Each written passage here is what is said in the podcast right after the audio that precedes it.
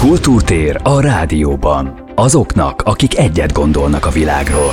A Skruton közösségi terek az éterben is értékrendet teremtenek. Kultúrtér. Közéleti társalgó a Hírefemen.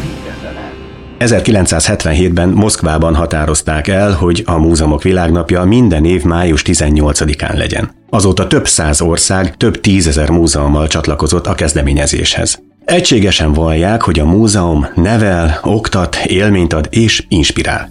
Képes életeket megváltoztatni, közösségeket megerősíteni, vitát indítani és a társadalmat formálni. A fővárosi és vidéki múzeumok szerepéről Lakner Lajos, a Debreceni Déri Múzeum tudományos főigazgató helyettesét Imre Zoltán kérdezte most a Déri Múzeumnak a jelenlegi kiállításai hogy élnek, mennyire látogatott, több kérdést teszek föl, mennyire fókuszál Debrecen társadalma, mennyire érzi magának a Déri Múzeumot, mint ikon, mint, mint, mint egy büszkeséget a városnak, hogy hát nekünk ott a Déri Múzeum, és, és hát mondhatnám azt is, hogy szerves része az életünknek, Persze akkor átadom a szót, és aztán jön a következő. Igen, ez egy kicsit összetett kérdés volt, hogy a, a Déri Múzeum azt gondolom, hogy az ország egyik legjelentősebb múzeuma. Kevés múzeum mondhatja el magáról, mondjuk a munkácsi trilógiát meg lehet nézni. Japán gyűjteménye van, kínai gyűjteménye van, persa gyűjteménye van, és még sorolhatnám. Tehát, hogy valóban egyszerre előzi a világ kulturális örökségét, nagy örökségét, ugyanakkor meg nyilvánvalóan egy városi múzeum, a város történetét is kell, hogy valamilyen módon bemutassa, ha teljesen őszinte akarok lenni, akik idegenek, tehát máshonnét jönnek, ők elsőbb a munkácsi trilógia miatt jönnek. A munkácsi trilógiát ismeri mindenki, ami egy kicsit nyilvánvaló eltakarja gyűjtemény többi gazdagságát, de végül is, aki eljön a munkácsi trilógia miatt, és mondjuk egyébként megérne egy külön pár gondolatot, hogy miért jönnek a munkácsi terembe, azok megnézik a múzeum többi részét is, és a helytörténeti kiáltással is azt szeretnénk, hogy aki eljön, nem ott él, az ne csak úgy átsúljon a városon. Mert ugye nagyon gyakori az, hogy jönnek egy hétvégére, elmennek fürdeni, de, de ezért keresnek valami fajta kulturális lehetőséget, és ha már eljönnek a múzeumba, akkor tudják meg, hogy miért Debrecen. Debrecen miért hívják civis városnak, és néhány olyan dolog, ami, ami fontos, hogy ő hazavihesse. A helyiek számára pedig azt kell mondanom, hogy ez egy nagyon nehéz kérdés, mert én úgy érzékelem, hogy a fiatalok többsége egyre kevesebbet tud a, a városról.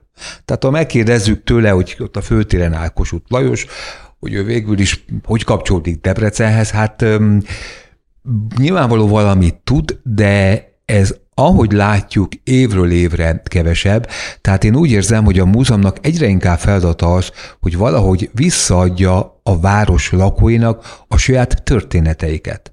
Mert ez az övüké, csak nem ismerik őket. Tehát elmennek ott a főtéren, elmennek a református kollégium mellett, ott, ott laktak sorban a református kollégium híres tanárai, ott lépkedett Csokonai Vitéz Mihály. Tehát, hogy, hogy olyan léptek nyomába járnak, amiről fontos, hogy tudjanak, ezért igyekszünk minél több eszközzel, egyrészt kiállításokkal, kiadványokkal, különböző múzeumpedagógiai foglalkozásokkal, programokkal, arra ezeket a történeteket valahogy visszaadni az embereknek, hogy Debrecen ne pusztán egy város legyen. Ugye Debrecen azért nem egy világváros, 200 ezer fős nagyváros, de szerintem még talán lehetőség van arra, hogy ne csak városként, hanem közösségként is működjön, legalábbis létrejön olyan mag, amely fontosnak tartja a város történetének a megismerését, annak a továbbadását, úgyhogy talán a kérdéssel igyekeztem így Igen. kettősen válaszolni. Igen.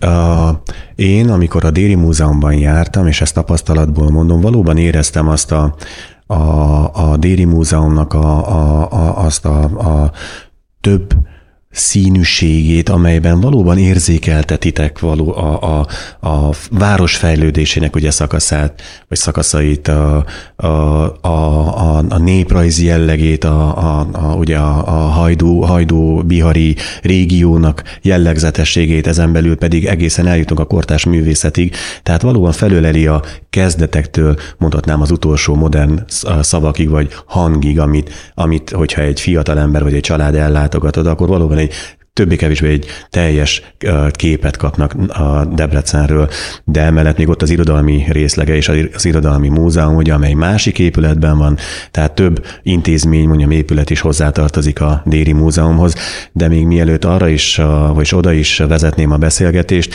beszéljünk a leges-leges legelső lépésekről Déri Frigyesről, hogy ki is volt ő, mert kevesen tudják, hogy miért Déri Múzeum a Déri Múzeum. Igen, ez nekem egy nagy szívfájdalom, és igyekeztem nem is mindenhol mm, cikkeket írok róla, könyvet írtam róla. Déri Fies egy bácskából származó ember volt, akinek a családja 1873-ban kivándorolt Bécsbe.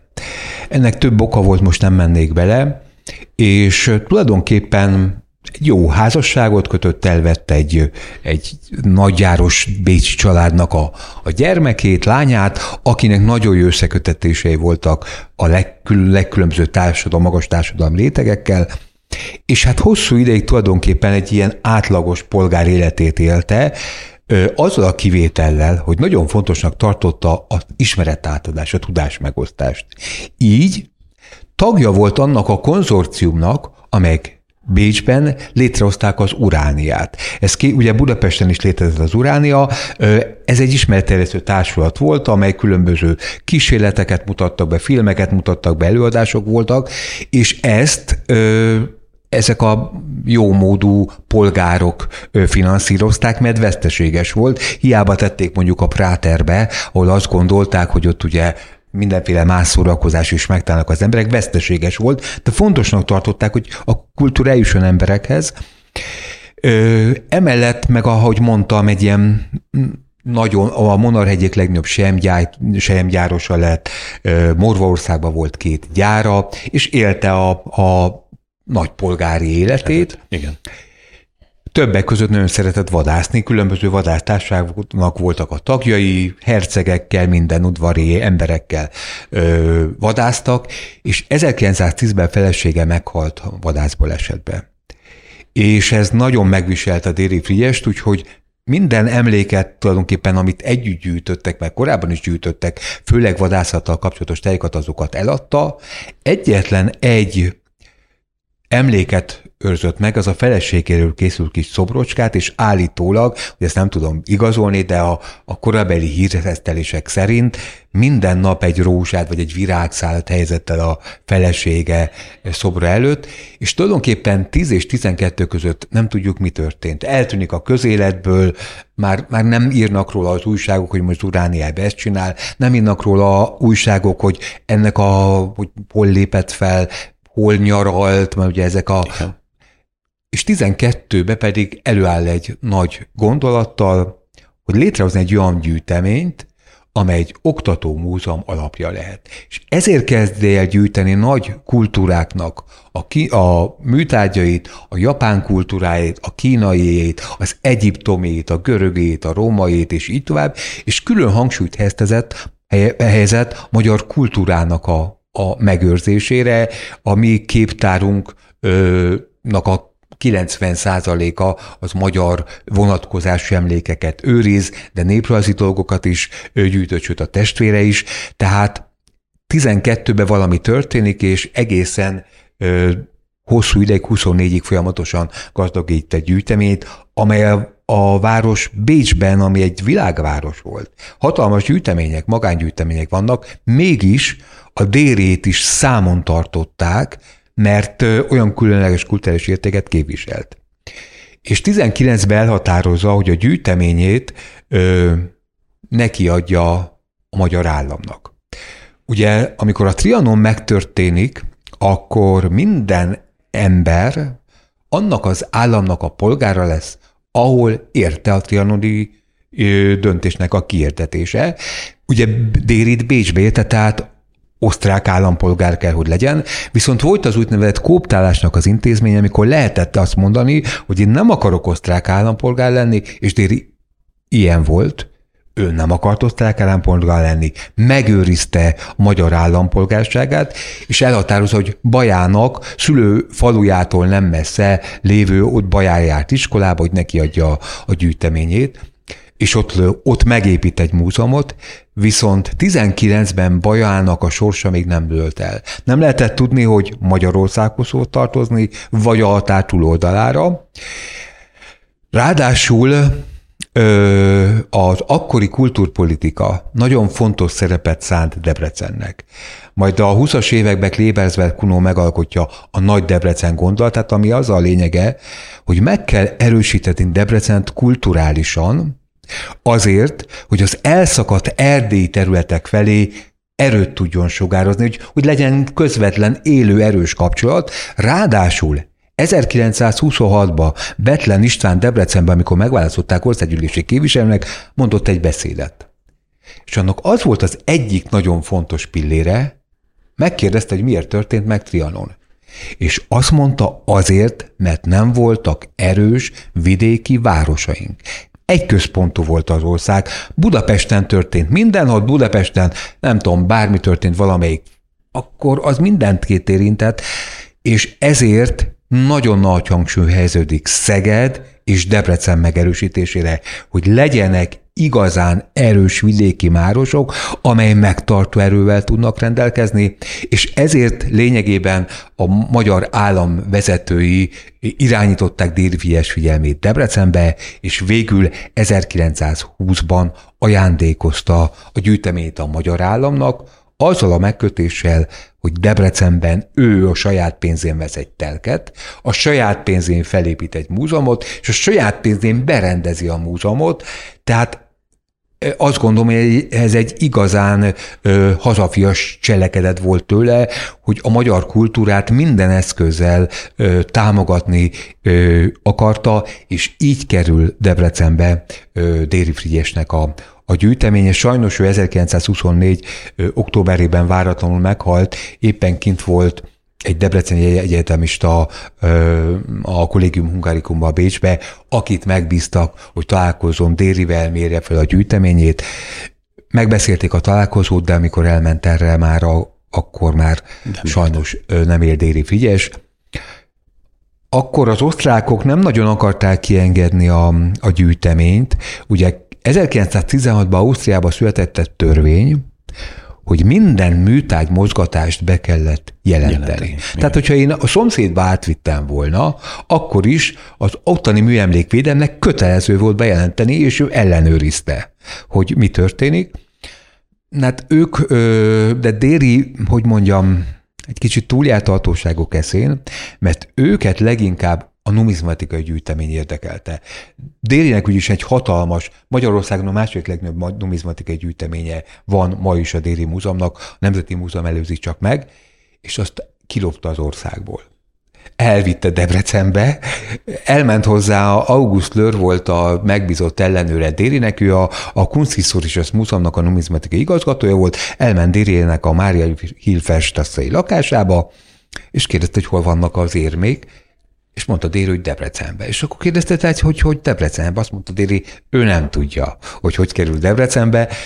A fegyvereket, ami szintén nagyon értékesek voltak, azt meg a Gárda palotába menekítette ki, ugye az magyar felségterület volt, azt nem vették el, és nagyon sok mindent pedig az Nemzeti Múzeum helyzet letétbe, úgyhogy bizonyos értelemben egy kész helyzetet teremtett az osztrák hatóságok számára, és hát egy komoly illeték felébe 1925 májusába kiengedték a gyűjteményt, aztán mivel ugye déri pénze sajnos az infláció következtében elértéktelenedett, ezért volt Debrecenben egy jeles polgármester Magos György, aki azt mond, aki engedélyt kért az államtól, ugye akkor engedélyt kellett kérni, hogy hitelt vegyen fel a város.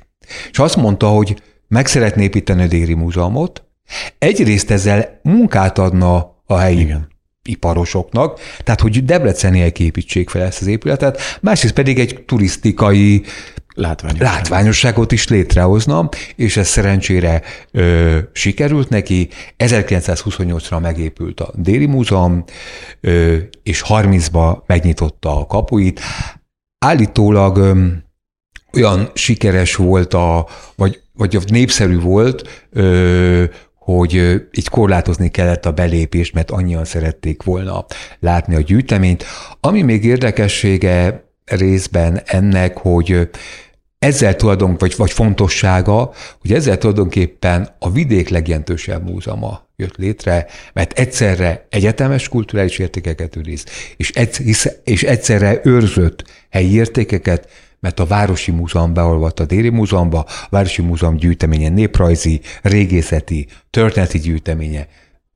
Ezt Déri szerette volna, és azt is gondolta, hogy az első emelte legyen a helytörténet, és a második emelten mutassák be az Igen. ő gyűjteményét, úgyhogy így jött létre a gyűjtemény, és így jött létre maga a múzeum.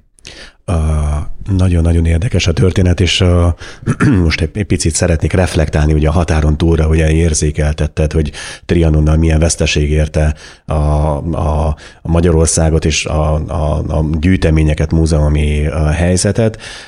Én, én átlépek ugye akkor Erdélybe, méghozzá a Párciumba, uh, uh, mivel uh, a többé-kevésbé egy jó ideig ott egy pár múzeumnak voltam vezetője, így talán rálátásom van, hogy ott mi történt azzal, hogy Trianon felszabdalt, a Trianon által felszabdalódott Magyarország, és hát valóban komor időszak kezdődik a, a mondjuk Nagyváradon, ha már Nagyváradot említettem, a, bár ott Adinak volt egy a, nim, erős nimbusza és egy, a, egy a, a, a értékteremtő hagyománya, amelyet megpróbáltak tartani az ott lévő költők, a, a írók, újságírók, és akkor ott fogalmazódik meg egy, egy Adi múzeum létrehozása a, a, rögtön a halála után 19 2009-ben, és uh, már elindul egy gyűjtés, ugye, hogy, hogy a múzeumot létre tudják hozni, aztán ez sajnos elódázódott, hiszen a, a, az új vezetőség és az új kormány, amely már nem magyar volt, ezt nem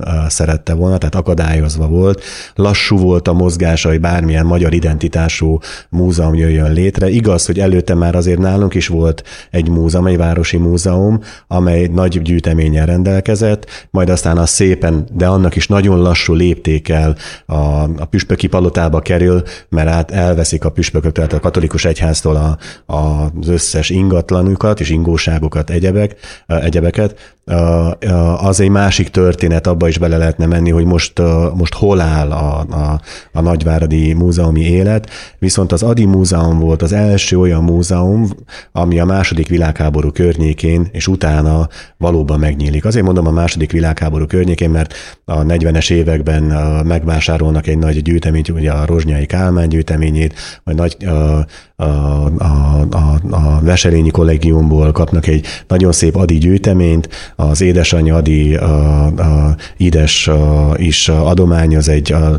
Adi leveles ládája címmel egy, egy szép a, a gyűjteményt, így összetevődik egy igen nagy egy, a, a, hagyaték, egy gyűjtemény, amelyel Tabéri Géza végül megnyitja az 50-es években, 50-es évek közepetáján a, az Adi Múzeumot, de hát nem vezeti többet, mint 58-ban meghal Tabéri Géza, tehát három évig vezeti, ezzel ki is mondtam, hogy körülbelül mennyi, mikor nyílik meg a múzeum, uh, de ez a fluktuáció, ez elindul, meg nehezen mondom, de az 50-es évek, 50-es évekig kellett várni, hogy egy magyar identitású múzeum létre tudjon jönni Nagyváradon, ami most jelen pillanatban a reneszánszát éli, nem csak az Adi Múzeum, hanem, hanem több intézmény, több múzeum, így a Városi Múzeum is, ami a Várban van, vagy a Körösvidéki Múzeum, ami egy hatalmas palotát kapott, ugye megkapta a katolikus egyház, visszakapta a barokk palotát, a püspöki palotát, úgyhogy a püspökünk a, a, úgy szintén egy múzeum jellegű kulturális intézménye alakítja a, a teret, amire büszke várad. Tehát mondhatnám azt is, hogy minden egyes a, a intézményvezető valóban arra próbál koncentrálni, mint hogyha éreznék, hogy, hogy jó pár év telt el kultúra vagy kulturális intézmények nélkül, és erős kulturális intézményekről beszélek, hogy most mindenki minden erejét belefekteti, hogy egy valóban európai színvonalú múzeumot vagy múzeumi közösséget hozzanak létre, és hát ezt te is említetted, hogy ez látszik is. Én most azért is hoztam be témának ugye a, a Nagyváradi Múzeumot, mert itt most a, a, a múzeumok világnapjáról beszélünk, és ez nem a Magyar, Magyar Múzeumok napja, hanem ez a világ napja, és hát akkor miért ne érintsünk határon túli múzeumokat is, hogy a, helyzet, a jelenlévő helyzetüket, vagy épp a múltbeli helyzetükről is egy pár szót említsünk. Úgyhogy A, a gyűjteményekről annyit mondanék, hogy ugye az Adi Múzeumot felhozva példának, hogy ott is le volt zárva hermetikusan a, a gyűjtemény, nagyon nem lehetett betekinteni, mi van, volt egy állandó jelleg, jellegzetesség, egy állandó kiállítás, amelyet meg lehetett tekinteni, majd aztán az is szépen fellazult, és mutatnám azt is, hogy egy a 2000-es évek, 2010-es évektől kezdve a, a, elindul egy a kollaboráció, egy együttműködés a Budapesti Petőfi Irodalmi Múzeummal, így Csorba Csillával és az a helyi vezetőséggel, meg hát akkor a Déri Múzeummal is ugye a, a, egy egy szoros kapcsolat kezd kialakulni, nem csak az Adi Múzeummal, hanem akkor már a Körösvidéki Múzeummal is, szám, és már a Városi Múzeum és számos kiállítások, partneri kiállítások jöttek létre, előadások, stb. Tehát mondhatnám azt is, hogy a, a, a Déri Frigyesnek a hagyatéka és gondolata, ugye egy közösségi tér, vagy egy olyan tér, egy kultúrtérnek a létrehozása talán a 21. században akár már mondhatnám azt is, hogy egyetemesen kezd megjelenni. Persze említetted az elején, hogy, hogy halványul a fiatalságban való, a, a, való érdeklődés a, a, a kultúra iránt, és éppen talán azért vagyunk mi, hogy ennek tegyünk ellen, és próbáljunk egy olyan teret létrehozni valóban a, a, a gyűjtemények, a kiállításokon keresztül, a kortás kiállításokon keresztül, a kiadványokon keresztül, hogy említetted, vagy ugyanúgy a határon túl, hogy most a reneszánszát él, és tényleg tárt karokkal várják, és, és valóban az embereket úgy érezzük, hogy éhesek a másik oldalt, a kultúrára, és tényleg tömegek mozdulnak meg múzeumok éjszakáján például, vagy különböző koncerteken, vagy különböző műgyűjtők, magángyűjtők próbálnak megjelenni, Debrecenben is, Nagyváradon is ugyanazokkal, vagy hasonló jellegzetességű kiállításokkal ezekről is mesélnél egy pár szót, hogy melyek azok, amelyekkel, amelyek, amelyek most így mondhatnám azt is, hogy hidat kép ez a két város között, vagy így a határon túli városok között és Debrecen között. Először reflektálnék arra, hogyha lehetséges, hogy mivel tudnak a múzeumok valami alternatívát nyújtani. Én ezt a munkácsi terem kapcsán jöttem rá, hogy sokáig nem tudtam, hogy miért jönnek az emberek, olyanok is, akik nem vallásosak. Miért jönnek a, a munkácsi terembe, és eltöltenek ott egy, egy fél órát, azon túl, hogy persze a képek olyanok, amilyenek, tehát hogy élvezhetők. És arra jöttem rá, hogy valójában ott csend van. Minden, bemegyünk egy áruházba, állandóan szól a zene, nem akarom, hogy szóljon, de ugye á, mindenhol azt gondolják, hogy szólni kell a mamutba, meg a nem tudom hol, a villamoson bemondják, meg nem tudom, tehát, hogy állandóan zörejbe vagyunk, szól otthon a háttérben a televízió, nem nézzük, de tehát mindenhol zörejek vesznek bennünk körül, és maga a, a munkácsi terem az, az egy olyan különleges csöndet biztosít, mondhatnám ilyen szakrális csöndet biztosít, hogy az emberek felfedezik azt, hogy milyen nagyszerű dolog az, hogy, hogy létezik egy ilyen tér, ami, ami nem ebbe a zajba és van. Tehát, hogy szerintem ilyenfajta élmények talán, és nyilvánvaló a fiataloknál másfajta élmények, de ott meg, ott meg a játékosításra törekszünk. Olyan fajta eszközöket nem én találtam ki, nem van két fiatal kollégám, akik, akik, akik fantasztikus dolgokat csináltak, olyan, tehát játékosítják a foglalkozásokat, mondjuk egy nyomozást építenek fel.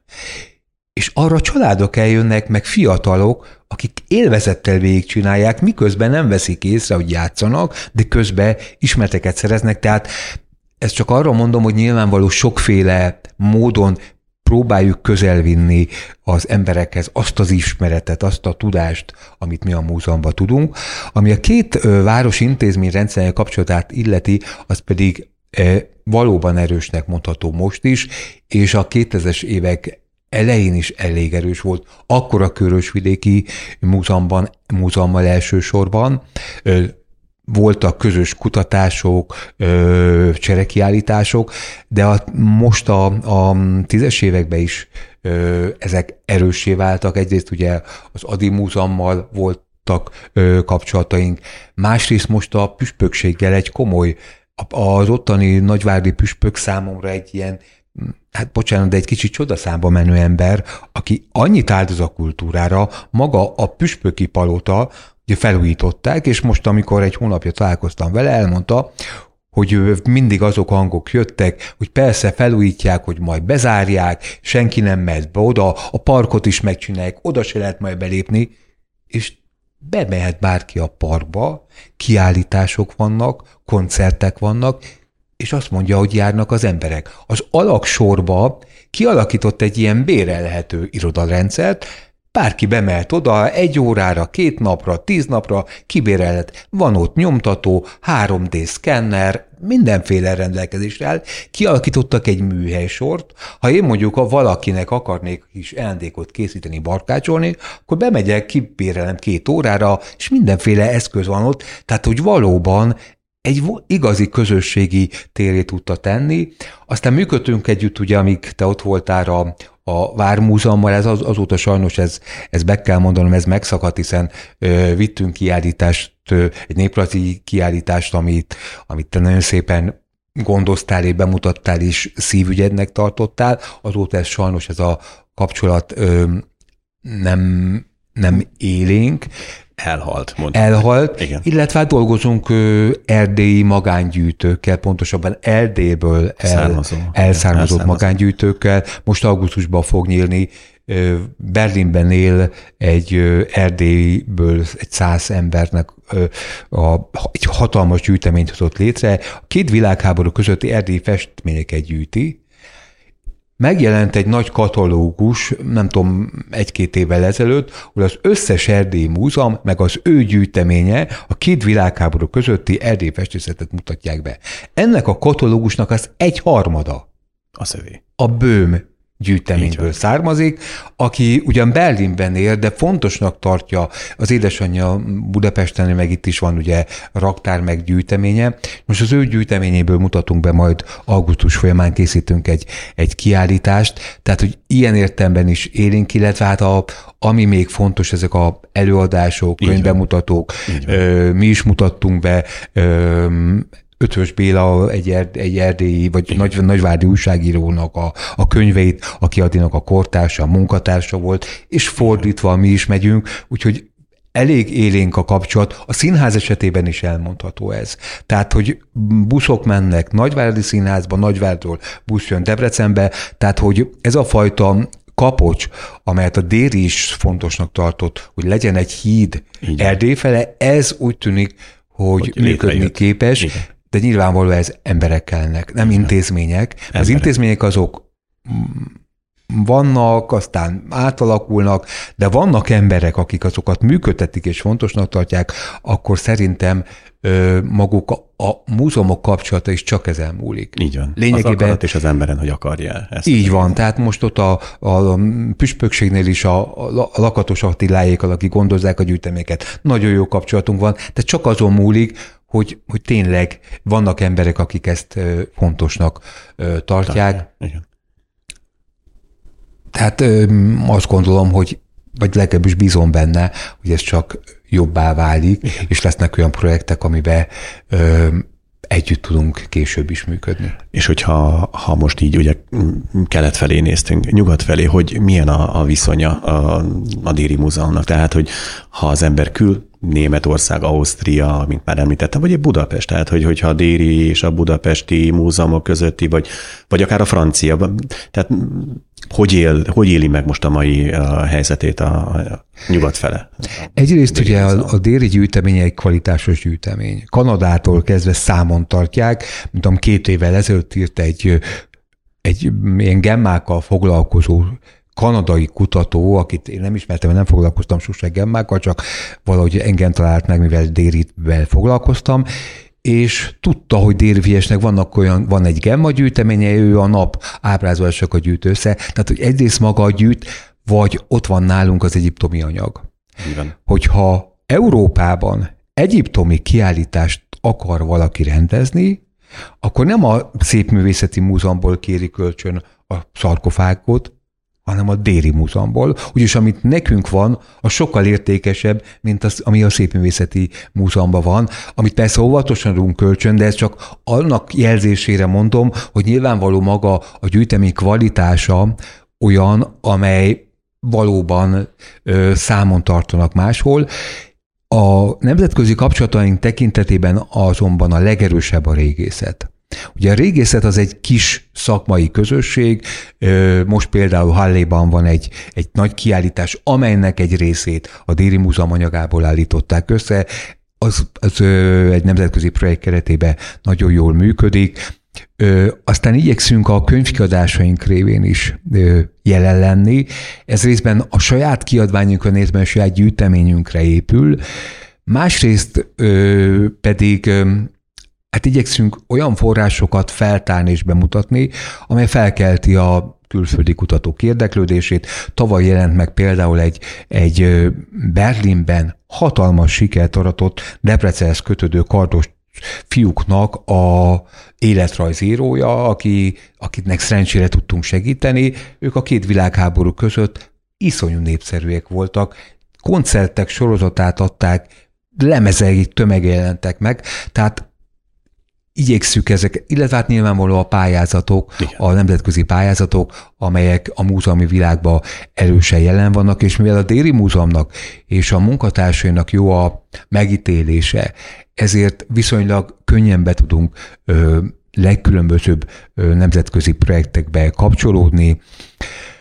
Ö, a magyar intézetekkel, a Collegium Hungaricumnak nevezett intézetekkel jó kapcsolataink vannak, és hát van egy, ami nem a miénk gyűjt, ne az a gyűjtemény, van Debrecenben él a egyik legjelentősebb kortárs gyűjtő, Antal Péternek hívják, és mi gondozzuk az ő gyűjtemény, ez azt jelenti, hogy feldolgozzuk, most a negyedik szakkatalógus jelent meg, amelyek olyan 6-700 oldal között van egy szakkatalógus, és Ezután is van érdeklődés, Berlinbe, Rómába is rendeztünk belőle kiállítást, úgyhogy a Déli Múzeum azt gondolom, hogy, hogy jelen van a, a világban, ami, ami hát remélem így is marad. Egyébként pont ezt akartam mondani, hogy, hogy egy múzeum, múzeum, és erről kint is beszéltünk, hogy mennyire fontos a, a mai világban, a mai nap, hogy egy élő szövet legyen, egy élő kulturális szövet, és ne egy olyan kiállítása, vagy olyan kiállításokkal rendelkezzen, amelyel már változás nem történik, ugye egy állandó kiállítás dolgokról van szó, ami, amit ha egyszer az ember megnéz, azt tudja, hogy tíz év múlva is ugyanaz lesz, tehát az mondjam úgy, hogy azt lezárták, a, mondjam elsorvasztják. Ami a, a, a, nagyon szép a Déri Múzeumnál, és ez teljesen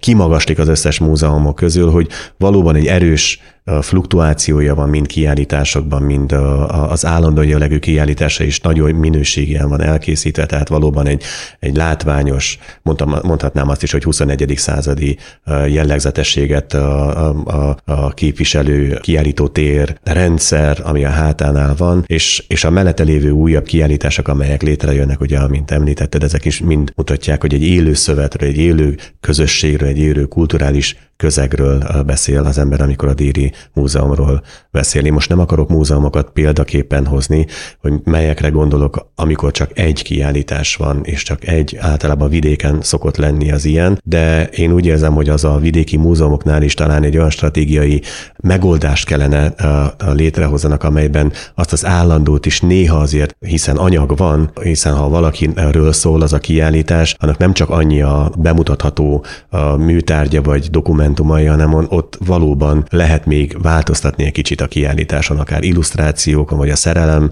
felé, a múzsa felé terelni, tehát tematikusan lehetne változtatni, és talán több ember tudna vonzani kisebb vidéki városokra nézve. Hogyha erre reflektálhatok egy kicsit, Egyébként az nem feltétlenül azt jelenti, hogy a kiállítást kell változtatni. Elmesélek egy, egy élményemet, ugye mivel én múzeumban dolgozom, amikor nyaralni mentünk a családdal is, akkor mindig elmentünk múzeumokba.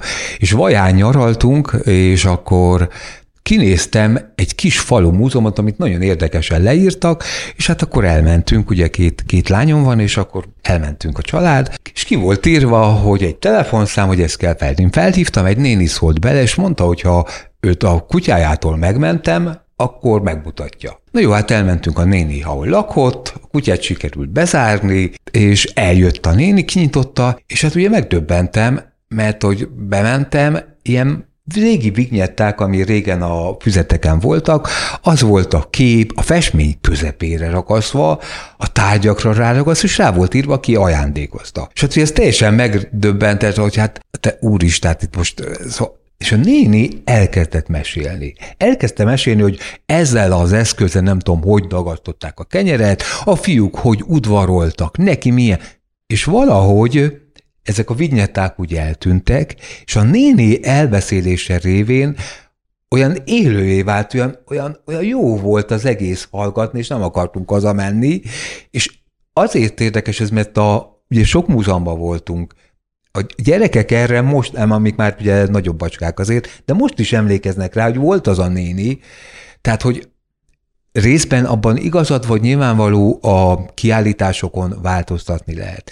Ez egyébként szokták is, mert nem fontos, hogy ez egészet megváltoztassuk. Csak egy párat. Így, így van, van. Tematikusan. De hogyha van egy olyan személy, aki képes hát azt élővé tenni, ugye azt így szokták van. mondani, hogy a múzeumnak az a dolga, hogy a láthatatlant láthatóvá tegye. Így Tehát van. ami már nincs jelen, ami már a múlté, az olyan legyen, mintha itt lenne. És ennek a néni valahogy úgy mesélt, hogy az jelen valóvá vált, ami az ő fiatalkora volt, úgyhogy szerintem nyilvánvaló személyiségtől is függ, hogy ki az, aki képes működtetni, ki az, aki ezt a csodálatos átváltozás, hogy a, a nem lévő múlt az mégiscsak jelen van, azt el tudja érni, úgyhogy egyszerre tárgy, kiállítási személyiség függő, azt gondolom. És tulajdonképpen ide kapcsolódna be ugye a múzeumpedagógia, hiszen a múzeumpedagógusoknak nagyjából ez lenne a szerepük. Így van, tehát a múzeumpedagógia ma már néha szegényeket sajnálom is, mert nálunk van, van olyan nap, hogy 6-7 múzeumpedagógiai foglalkozáson ketten vannak a déli múzeumban, tehát hogy egy, egy kicsit ö, nehéz, de, de szerencsére bírják, és elég tudatosan csinálják, és szeretik a, a gyerekek szívesen jönnek oda. Illetve mi, mint ö, ugye a Debrecen város, de azért egy elég szegény vidéki környezet veszi körül. Hajdubihar megyébe 17 halmos, halmozott általános település van.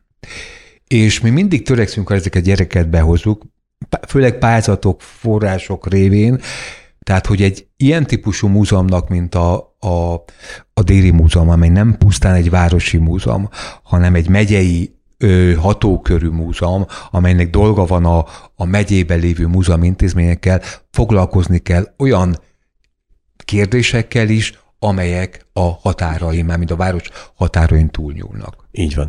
És a, most lehet, hogy, hogy, hogyha ilyen szép történetet meséltél ugye a, a, a nénivel kapcsolatban, tudsz-e nekem mondani, mert fent említettél egy másik történetet, ugye ez is nagyon érdekes volt Déri Frigyesről, amit kevesebben tudnak, vagy kevésbé tud, ismert. Hát ezt én se tudtam, de szerintem az osztrákok se tudják, hogy kimentette meg őket a vörös diktatúrától 1919-ben. Pedig az Déri Frigyes volt. Ugyanis egyszer ültem a, a Nemzeti Könyvtárba, és akkor ugye déli után keresgéltem, és akkor olvasok egy cikket, hogy Déri Frigyesnek az autójával vitték el a magyar nagykövetségről azt a pénzt, amelyet Béláig kiutattak a Bécsi nagykövetségre, hogy Bécsben is robbantsák ki a, a proletár forradalmat, de volt, és akkor én elkezdtem ezen a szállon nyomozni, mert egyszerűen nem akartam elhinni. Teljesen hihetetlen történt, és valóban az történt, hogy Déri nagyon jó kapcsolatot ápolt a korábbi nagykövetséggel, és ott egy munkatársával szövetkeztek, hogy ezt a pénzt, amelyet a kumbéláék elküldtek, azt ellopják.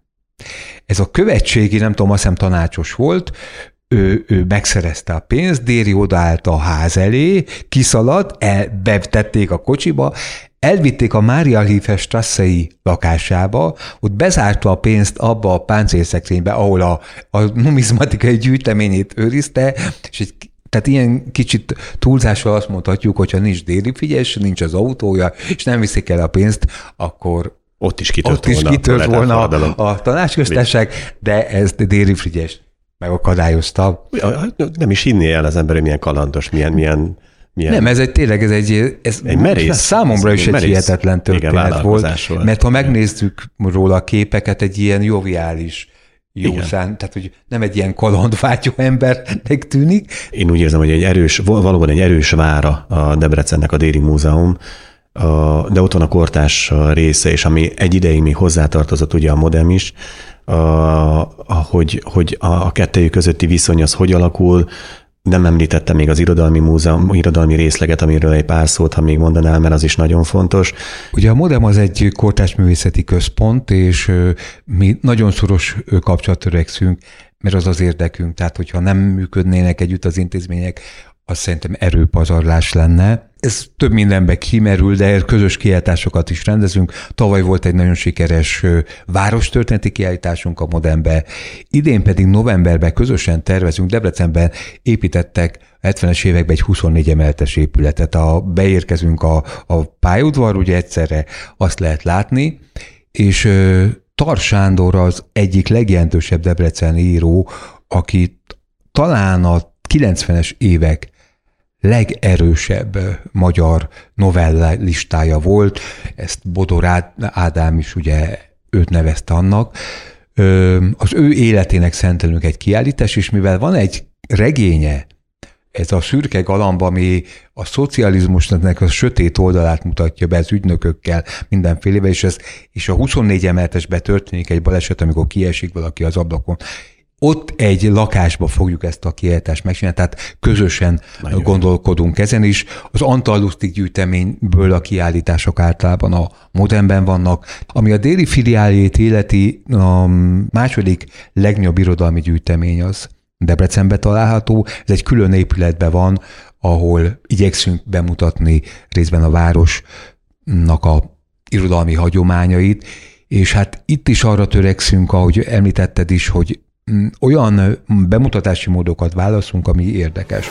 Minden múzeum kiemelt feladatként kezeli a fiatalokkal való kapcsolatteremtést. De elegendő egy egy kézműves foglalkozás, bábelőadás vagy kiállítás a mai ingerkereső ifjúságnak. Egyre több kiállítótér gondolja, hogy nem. Ezért is fordulnak a modern vívmányokhoz.